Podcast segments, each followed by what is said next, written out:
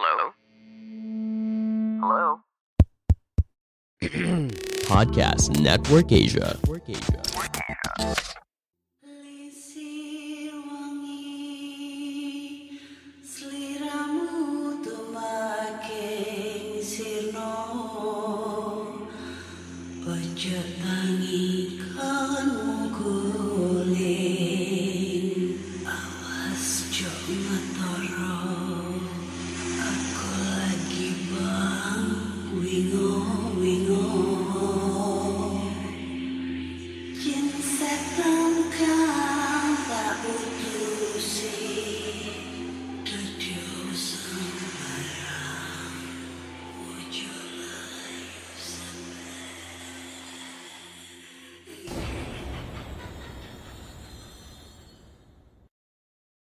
Hai Rek, ya apa kabar Ketemu lagi dengan aku si Ana di podcast kisah horor.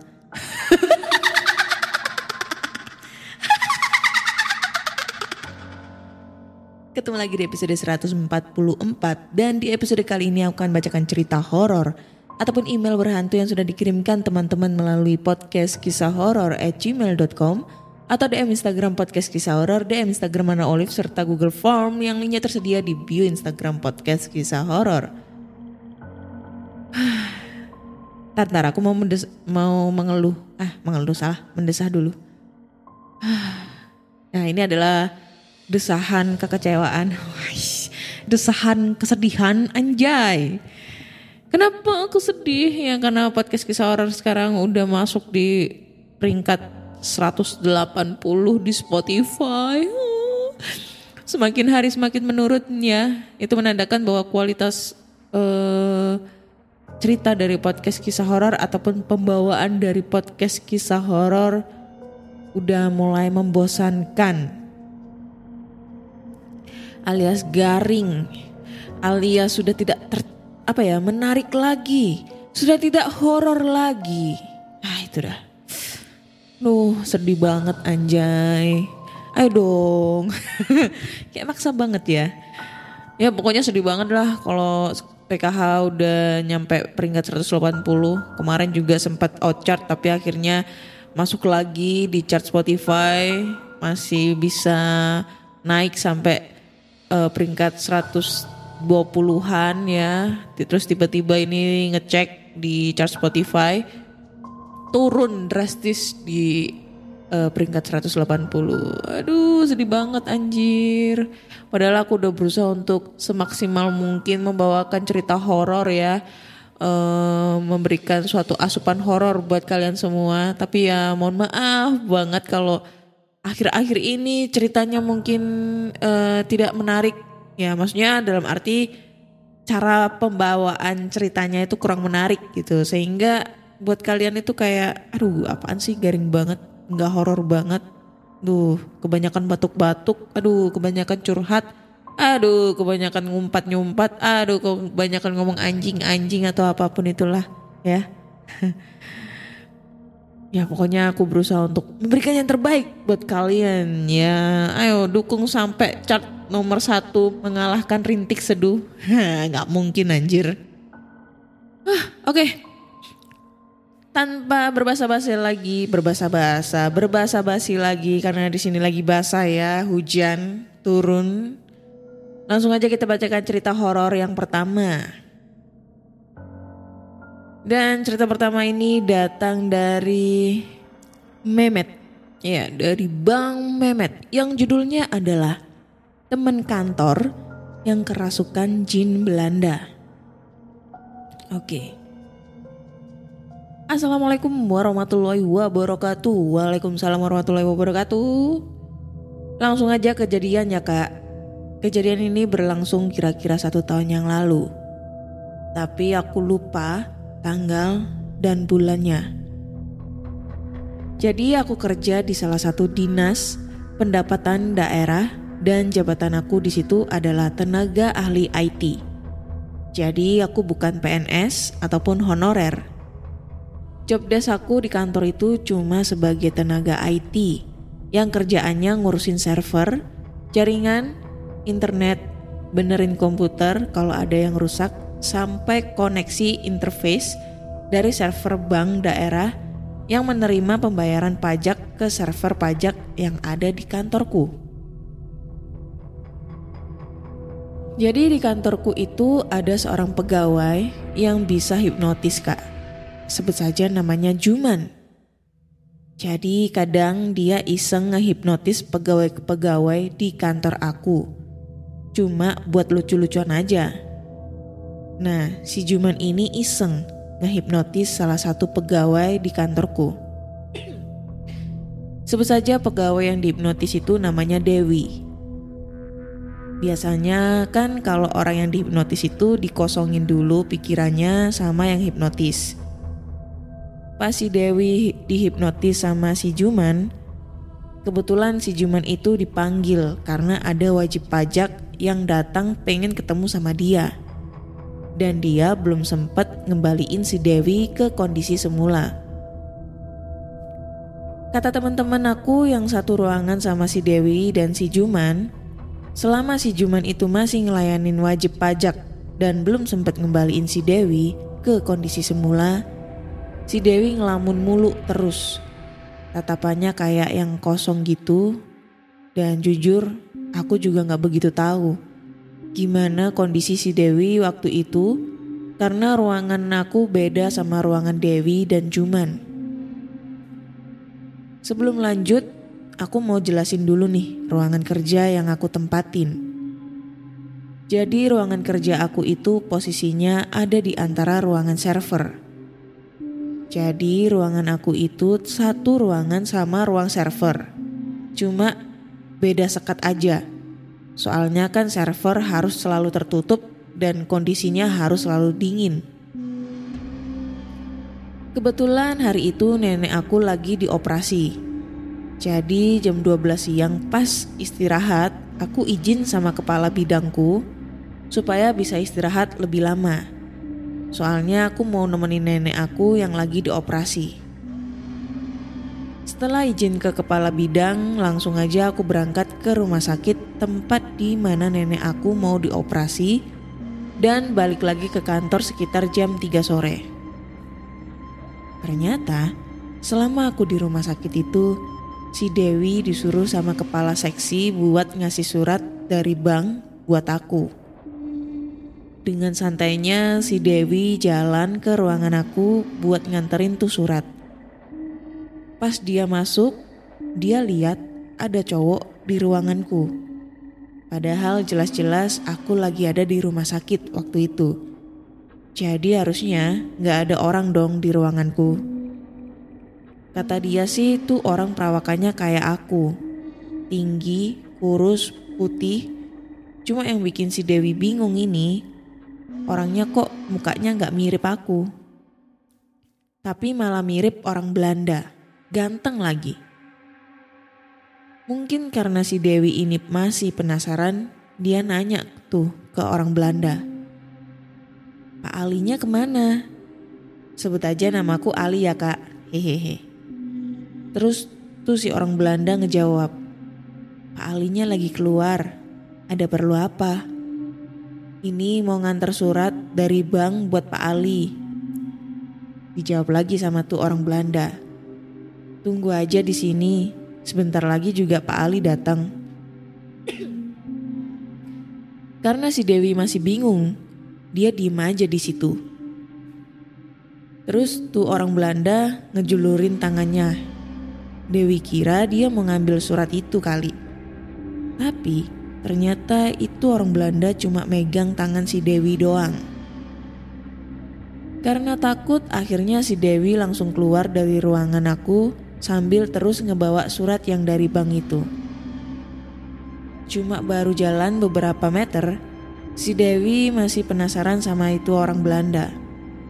Soalnya di kantor aku nggak ada orang Belanda yang kerja di situ. Akhirnya si Dewi ngeberaniin diri masuk lagi ke ruangan aku. Pas dia masuk lagi ke ruanganku, ternyata tuh orang Belanda udah gak ada. Langsung aja si Dewi lari ke ruangannya lagi sambil ketakutan. Jam 3 aku udah balik lagi ke kantor. Setelah nemenin operasi nenek aku yang alhamdulillah berjalan lancar. Baru juga sampai si Dewi nge-whatsapp aku suruh ke ruangan dia buat ngambil surat yang dari bank itu. Aku jalan aja ke ruangan Dewi buat ngambil suratnya. Pas aku ketemu Dewi, dia nanya ke aku. Itu orang Belanda yang ada di ruangan lo siapa Li? Aku bingung kan? Aku jawab aja. Orang Belanda apaan? Perasaan kagak ada orang Belanda yang kerja di sini.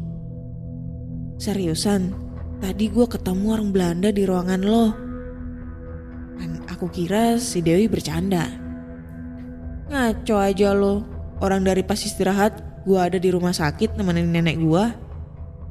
Di situ Dewi cuma diem aja nggak ngebahas detail masalah dia ketemu orang Belanda.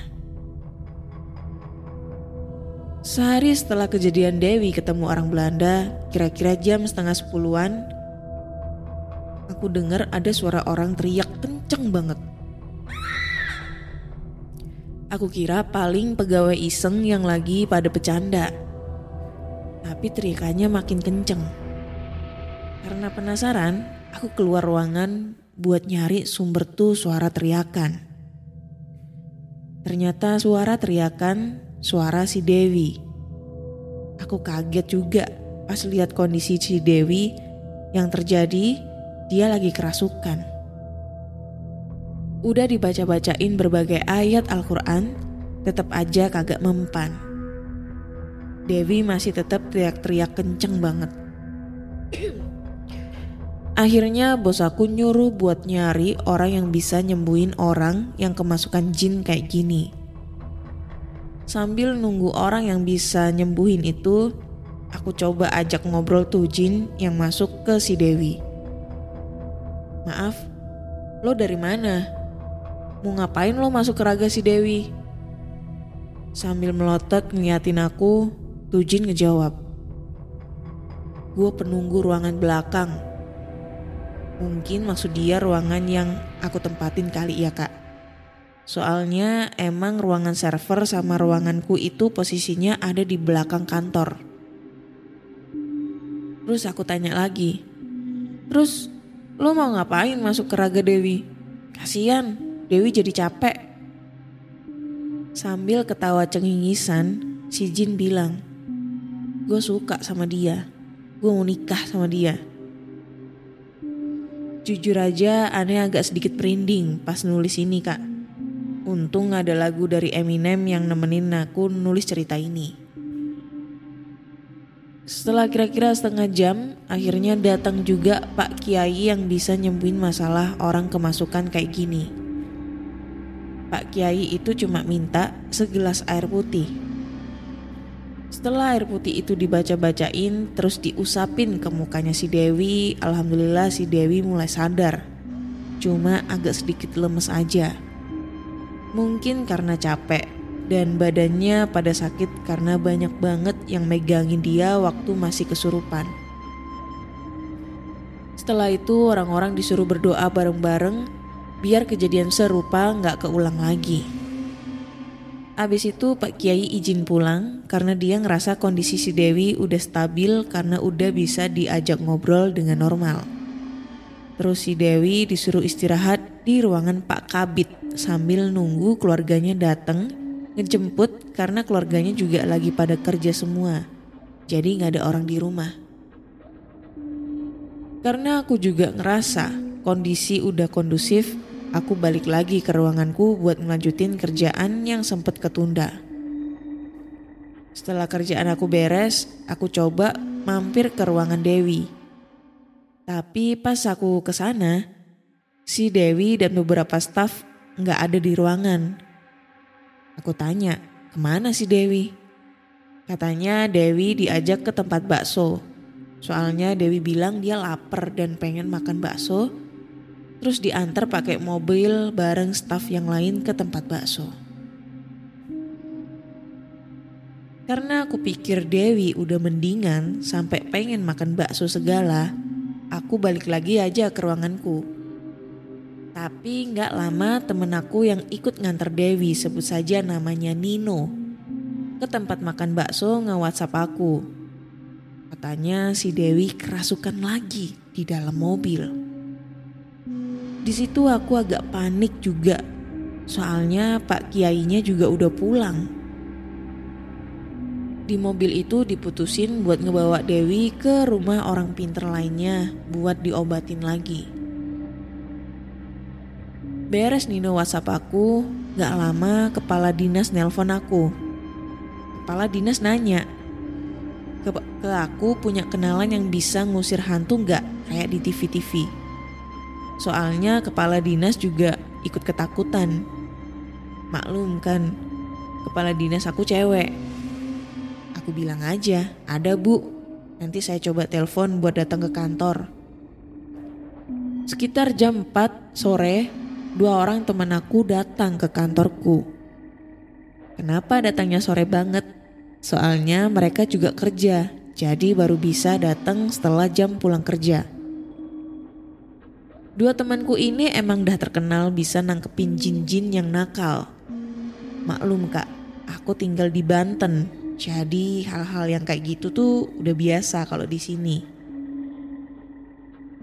Sambil nunggu Dewi balik lagi ke kantor dari rumah orang pinter yang coba bantu ngobatin Dewi, dua temanku ini mulai nyusurin ruangan-ruangan di kantorku.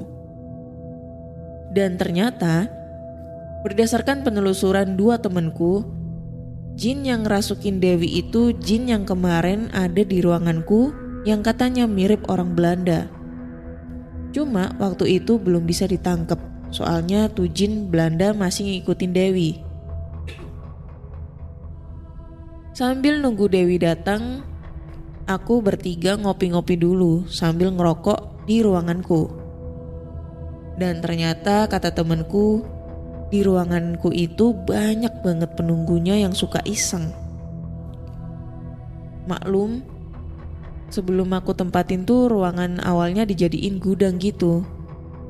Akhirnya sambil nunggu Dewi datang tuh, jin penunggu di ruanganku pada dimasuk-masukin ke botol aqua. Jujur aku sih gak bisa lihat langsung wujudnya kayak gimana.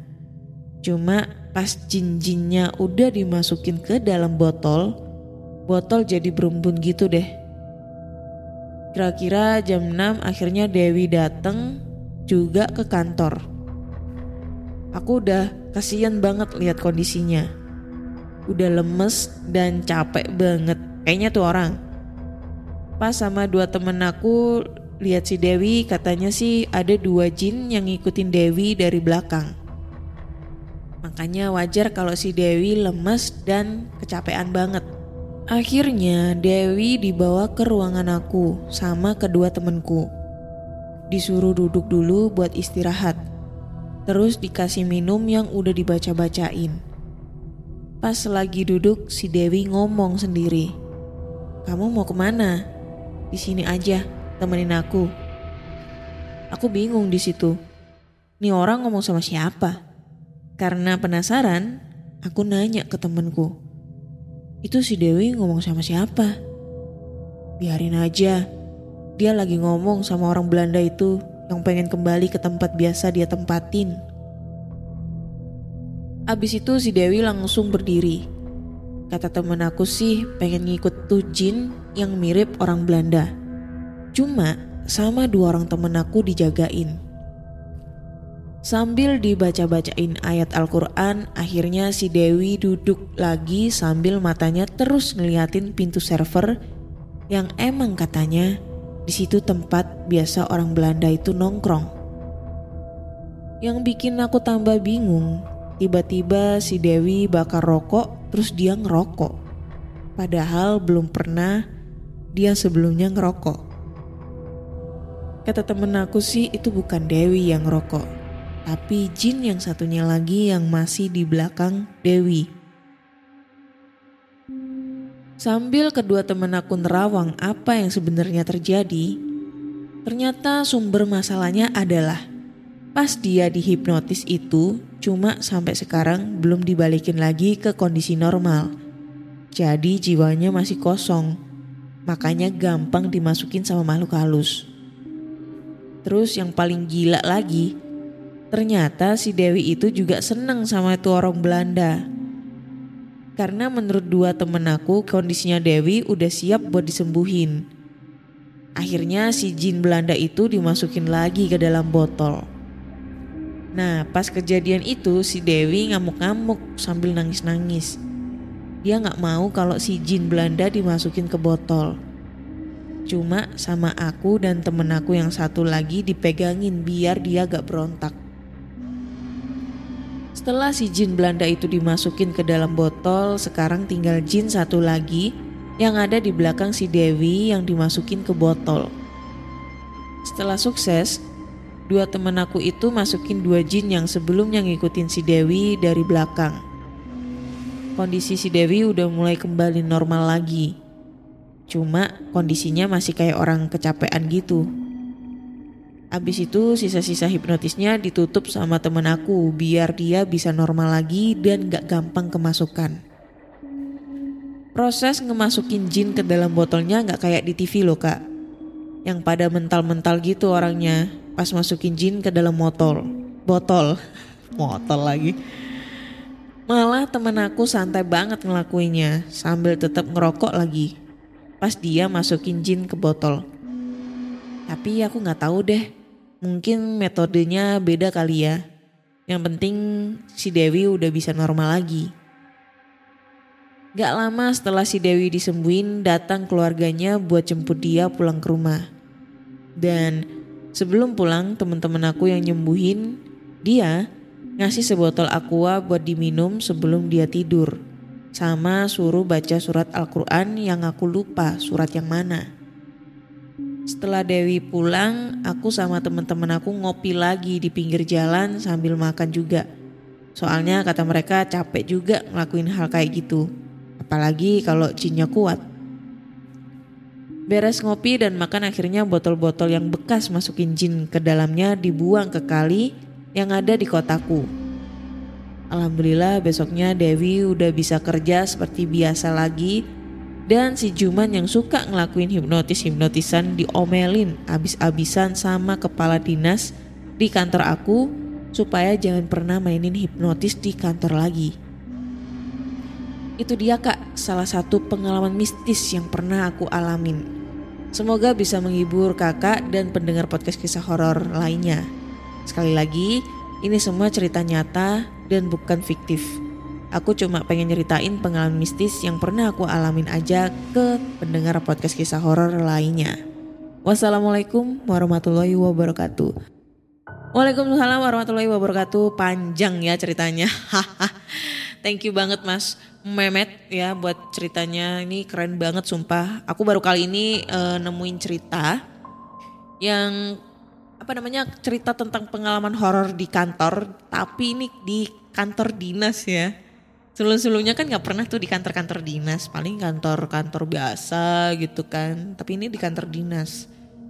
Dan mungkin sih pen, uh, setan Belanda itu adalah penunggu uh, penunggu memang penunggu lama gitu di di mana di kantor tersebut gitu loh. Kan biasanya itu kalau kantor-kantor dinas atau mungkin kayak balai kota atau segala macam itu kan kantornya tuh udah lama banget tuh dari zaman-zaman Belanda tuh. Nah itu bisa jadi uh, jin-jin yang di sana itu menyerupai sosok-sosok sosok-sosok orang ganteng orang Belanda di sana buat nakut-nakutin uh, orang-orang yang nempatin lokasi tersebut kayak gitu. Makanya kata si Dewi ketemu jin Belanda anjir nggak mau dimasukin botol lagi. Dan kata si Mehmet itu temennya itu kalau mau masukin jinnya ke dalam botol tuh nggak pakai yang acara eh, yang kayak gitulah yang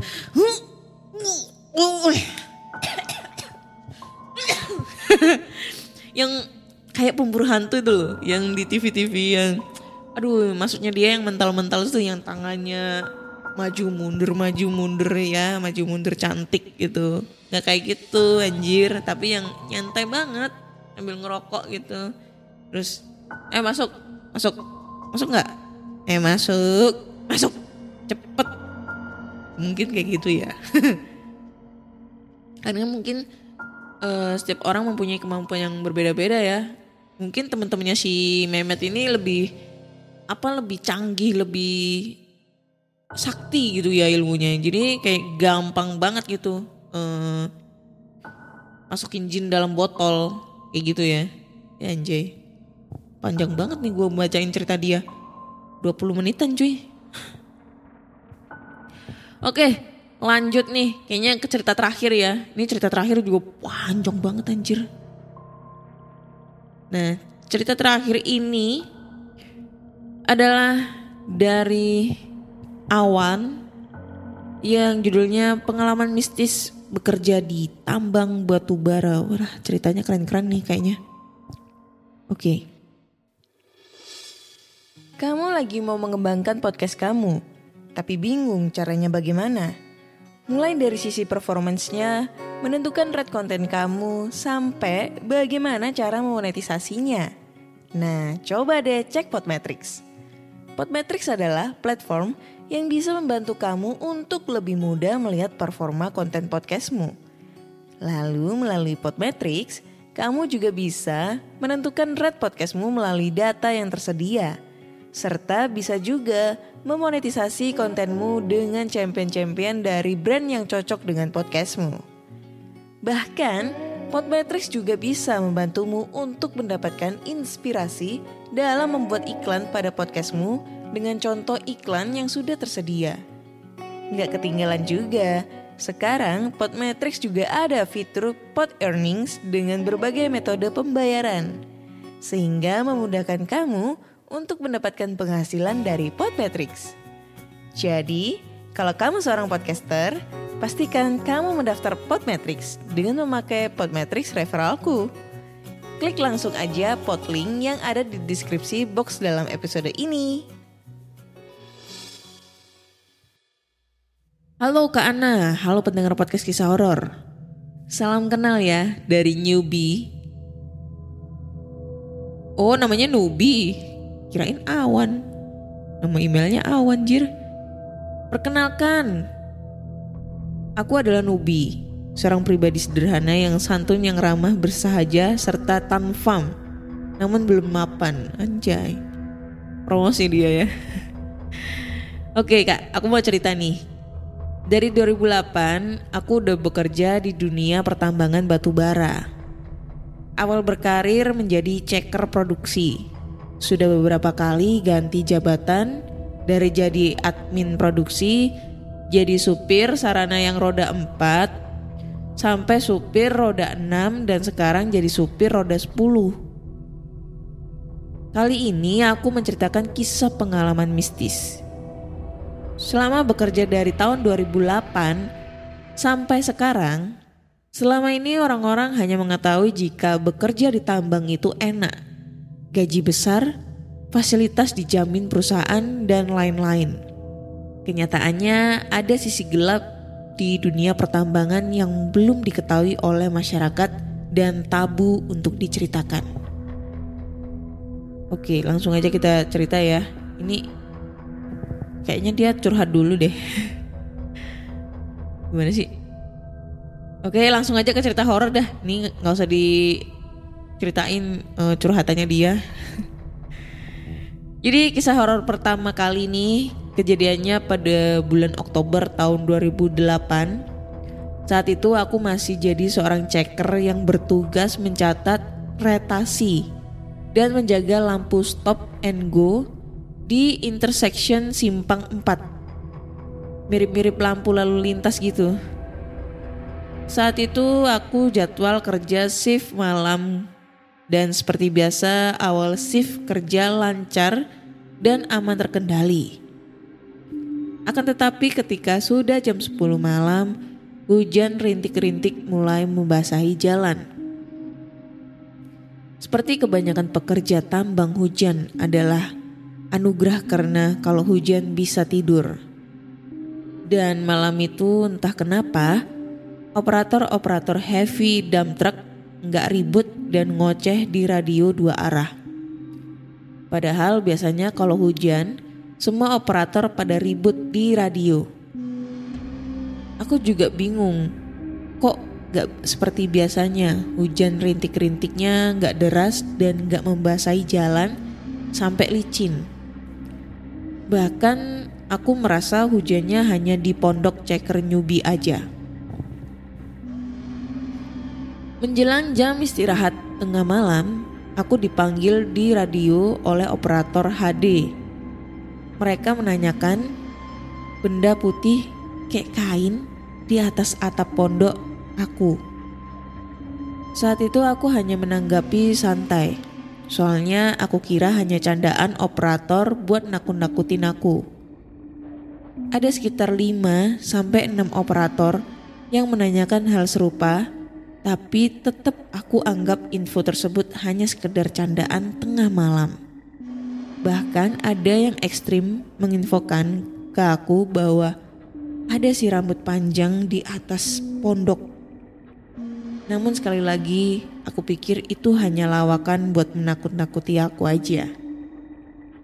Maklum istilah ditambang si rambut panjang juga diartikan hujan. Malam itu tidak seperti biasanya.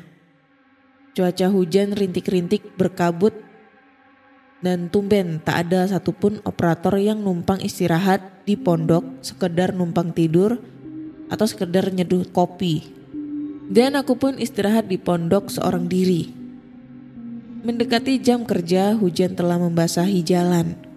Otomatis HD nggak bisa operasi buat mengangkut tanah karena jalan licin antara sadar tidak sadar, maklum lewat tengah malam, samar-samar aku melihat penampakan si rambut panjang berbaju putih jalan-jalan di depan pondok.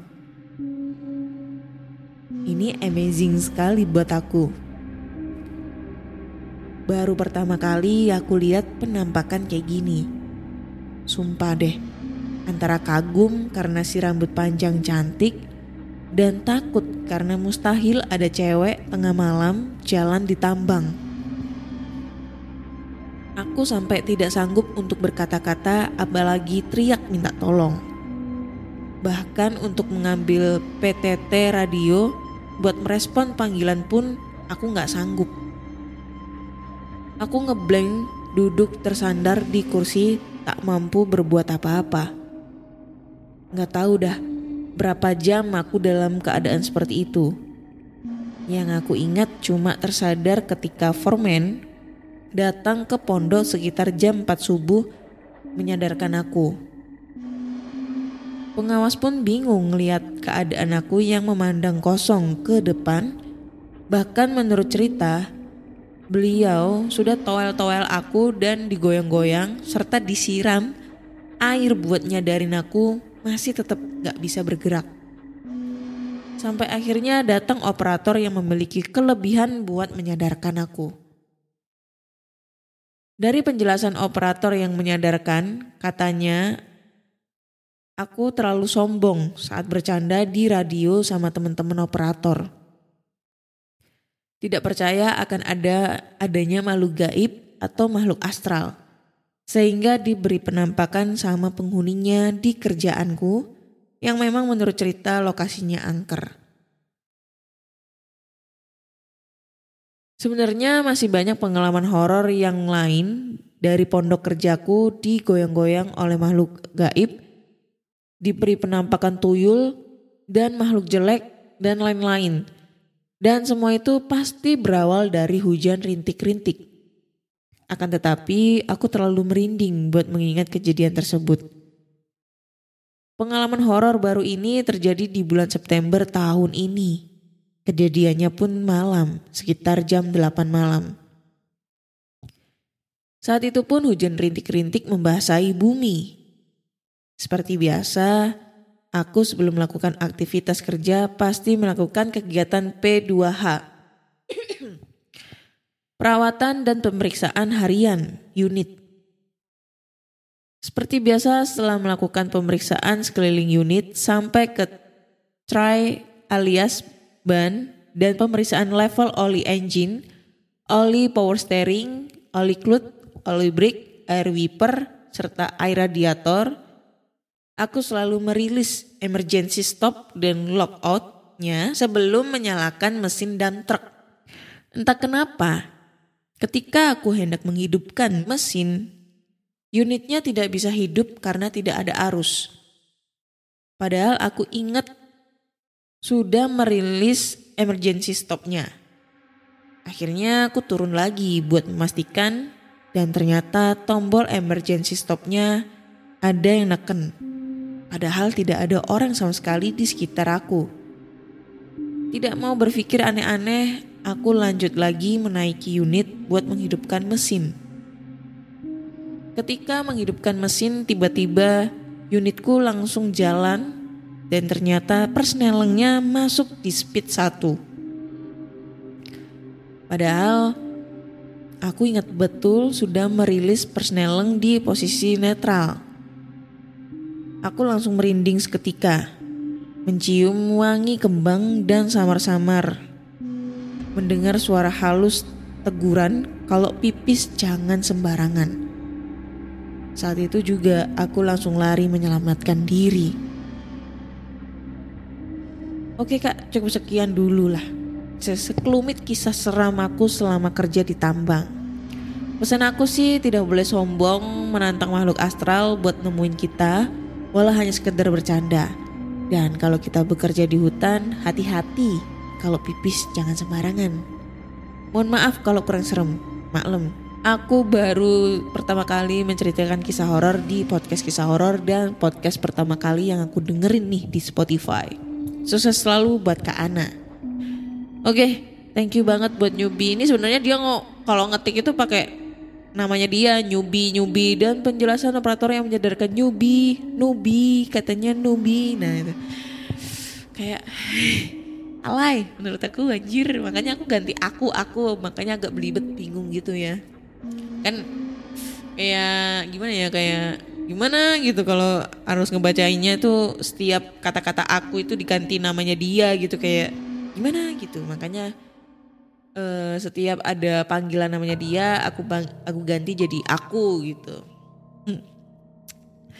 ini adalah pengalaman Nubi pada saat dia bekerja di tambang nih di tambang. Yang, yang jelas tambang batu bara di mana lagi kalau bukan paling besar di Kalimantan ya. Dan itu bener banget banyak banget yang sebenarnya itu pekerjaan di tambang itu tidak se apa ya, tidak seenak yang kalian pikir. Memang memang gajinya itu besar. Dibilang gajinya besar karena memang pekerjaannya itu juga lumayan berat anjir, nggak nggak seleha-leha yang kalian pikir gitu. Terus apalagi tempatnya itu di pelosok susah sinyal, susah dari uh, jauh dari mana-mana, kita harus stay di sana. Kalaupun misalnya kebutuhan habis kita harus pergi ke kota itu minimal seminggu sekali atau enggak gitu sebulan sekali sebulan dua kali bisa. Kenapa aku bisa ngomong kayak gini? Karena dulu saudaraku ada yang kerja di sana di tambang di Kalimantan ya. Dan itu dia cerita kalau emang pekerjaan di tambang itu berat banget. Berat banget. Sampai sebenarnya itu sampai habis. Walaupun gajinya besar ya gajinya terhitung besar. Cuma kebutuhan di sana juga lumayan mahal-mahal gitu dibandingkan di Jawa. Jadi kalau dibilang wah kerja di tambang gajinya gede bla bla bla bla bla eh nggak juga sih gitu. Dan karena uh, pastinya kalau kerja di tambang itu uh, horornya itu dapat banget ya karena tam, kalau di tambang itu kan jauh dari jauh dari kota tuh. Terus rata-rata juga di tambang itu kan uh, apa ya? Sekelilingnya itu cuma batu, batu, batu, batu, pohon-pohon, ibaratnya itu deket sama hutan ya. Jadi tuh banyak banget eksistensi makhluk halus, makhluk astral di sana gitu, terutama jin-jin yang suka ganggu. Nah, ini si Nubi kan diberi teguran tuh karena dia sering kayak ngeremehin lah apa sih? Lah apa sih? Padahal yang bilang kalau ada si rambut panjang itu gak satu dua orang melainkan 6 sampai delapan orang. Cuma dianya kayak eh apa sih? Nggak ada nggak ada. Dan pada saat uh, dia ditampakin itu sosok dia nggak bisa bergerak apa-apa gitu kan. Nggak bisa teriak nggak bisa gerakin tangan gerakin kaki atau apa pun itu. Nah ini masih menjadi suatu eh apa namanya rahasia eh, bukan rahasia ya masih menjadi suatu pertanyaan buat aku. Kenapa setiap kita ngelihat sosok makhluk halus secara jelas di depan mata kita ya pasti rata-rata itu eh, 80% orang itu tiba-tiba nggak bisa gerak, nggak bisa eh, teriak, ataupun nggak bisa, ya pokoknya nggak bisa ngapa-ngapain. Dia cuma bisa melotot ngeliatin gitu doang. Mau ngomong nggak bisa, mau gerak juga nggak bisa, mau lari juga kaku banget. Dan ini semua pendengar podcast kisah horor yang sudah mengirimkan ceritanya ke sini, rata-rata kalau udah ketemu makhluk halus, reaksinya kayak gitu cuy. Yang nggak bisa gerak gitu. Kenapa ya? Ini masih jadi problem nih buat aku. Aku juga belum pernah ngalamin sih buat ketemu langsung secara langsung terus tiba-tiba nggak bisa gerak nge-freeze gitu kan lihat dia. Aku belum pernah ketemu selama ini. Walaupun udah dipancing dengan explore tempat-tempat terbengkalai juga nggak bisa nggak nemu gitu dengan sosok-sosok seperti itu. Cuma ditampakin kayak lampu kedap-kedip atau suara ketawa gitu doang. Tapi pernah sih yang namanya ketindihan itu pernah sih. Ya itu tadi ketindihan sih menurut aku cuma bagian syaraf yang ibaratnya sarafnya agak gimana gitu tegang atau kayak gimana akhirnya membuat kita itu kaku sementara gitu nggak bisa ngapa-ngapain sementara Nah itu yang membuat orang-orang tersuges bahwa mereka itu ketindihan dan akhirnya pada saat mereka saraf ototnya itu salah satu saraf ototnya itu terganggu, mau freeze, nggak bisa ngapa-ngapain pada saat tidur. Di dalam otak mereka itu mereka memikirkan hal-hal yang aneh, yang tidak wajar seperti melihat kuntilanak atau mungkin uh, seperti dia berpikir ada kuntilanak, ada pocong dan lain-lain. Nah, pikiran itu yang membuat kita tersuges bahwa pada saat kita nge-freeze alias otot kita, uh, saraf kita ada yang terganggu, otot kita ada yang terganggu, itu yang membuat kita berpikir kalau kita lagi ketindihan dan menimbulkan suatu ima imajinasi yang membentuk sosok-sosok yang mengerikan. Itu yang aku tahu ya. Ini pengalaman dari psikologi, wajah. Padahal aku bukan orang psikologi anjing itu dah pokoknya. Makanya masih jadi suatu problem suatu pertanyaan yang belum terpecahkan kenapa setiap melihat makhluk halus itu selalu kita nggak bisa ngapa-ngapain. Mungkin di teman-teman pendengar podcast horor ada alasan lain dan bisa ngejelasinnya kalian bisa langsung aja kirim ceritanya atau kirim ke email. Kenapa kita selalu tidak bisa gerak kalau kita dilihatkan sosok makhluk halus secara jelas Kalian bisa langsung aja kirim ke email atau DM nanti aku bacain dah. Kenapa itu? Oke. Okay? Udah 42 menit aku nemenin kalian udah panjang banget nih. Udah dua, dua cerita itu udah panjang banget ya. So buat teman-teman semua yang pengen berbagi cerita horor, kalian kalian harus bisa langsung kirim ceritanya ke podcast kisah horor at gmail.com atau di Instagram podcast kisah horor di Instagram mana Olive serta Google Form yang linknya tersedia di bio Instagram podcast kisah horor. Terus jangan lupa follow juga Instagramnya podcast kisah horor agar podcast kisah horor selalu bisa swipe up gitu ya. Minimal dapat 10 ribu followers bisa swipe up swipe up gitu, dapat endorse ya. jangan lupa juga uh, follow podcast kisah horor di Spotify, Google Podcast, Apple Podcast, dan di Noise. Karena podcast kisah horor sekarang udah bisa didengerin di Noise. Terima kasih untuk semuanya udah ngedengerin, ngedengerin podcast kisah horor sampai detik ini. Saya Ana, undur diri dan bye-bye. Pandangan dan opini yang disampaikan oleh kreator podcast, host, dan tamu tidak mencerminkan kebijakan resmi dan bagian dari podcast Network Asia. Setiap konten yang disampaikan mereka di dalam podcast adalah opini mereka sendiri dan tidak bermaksud untuk merugikan agama, grup etnik, perkumpulan, organisasi, perusahaan, perorangan, atau siapa pun dan apa pun.